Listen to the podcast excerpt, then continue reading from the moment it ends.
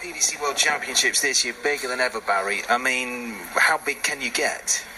I don't think we've even started.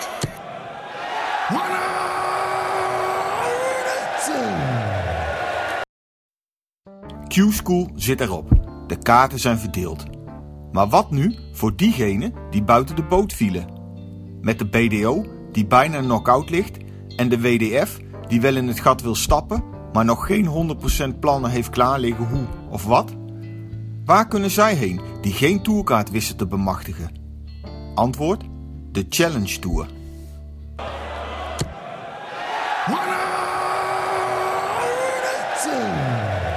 De PDC ziet waarschijnlijk de bui al hangen en vreest een logistieke nachtmerrie voor de aankomende Challenge Tour van 25 en 26 januari in Wiggen.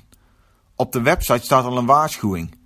Nu er zoveel spelers aan Q-School hebben meegedaan en dus automatisch recht hebben om aan de Challenge Tour deel te nemen, vreest de PDC een enorme toeloop. Mochten er zich te veel spelers inschrijven voor die eerste Challenge Tour, dan behoudt de PDC zich het recht voort om niet zoals gebruikelijk twee edities op één dag te houden, maar één per dag. De overige twee zouden dan een andere datum krijgen. Soms vraag je je af waarom doet die en die speler mee aan Q-School. De kans op een kaart is voor hem of haar nihil. Maar als je je daarna wat verdiept in het onderliggende systeem, de Challenge Tour, dan wordt het allemaal een stuk duidelijker.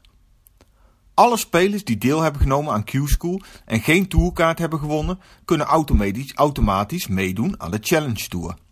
Doe je het goed op de Challenge Tour, dan maak je kans om mee te doen aan de Players Championships toernooien. Bij te weinig inschrijvingen of afmeldingen dinkt de top van de Challenge Tour mee naar een plek in die Players Championships toernooien. Al naar gelang de Order of Merit. Zaak dus voor de Q-School verliezers om er maar meteen te staan tijdens de eerste Challenge Tour van 25 en 26 januari. Dit seizoen zullen er 24 Challenge Tour toernooien gespeeld worden.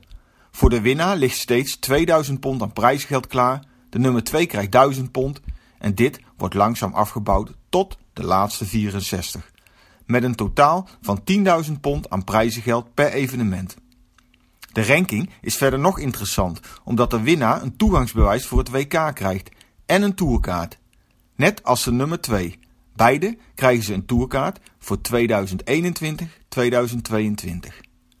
Daarnaast is er ook nog de kans voor hen die geen tourkaart hebben gehaald om zich te plaatsen voor een van de 13 euro-events die dit jaar gehouden zullen worden, via een zogenaamde Associate Member Qualifier. Op iedere Eurotour zullen er zo twee plekken te verdienen zijn. Genoeg om voor te spelen dus. Wie kunnen we verwachten dit weekend op de Challenge Tour? Ik ben benieuwd. Mikuru Suzuki zal er in ieder geval niet zijn.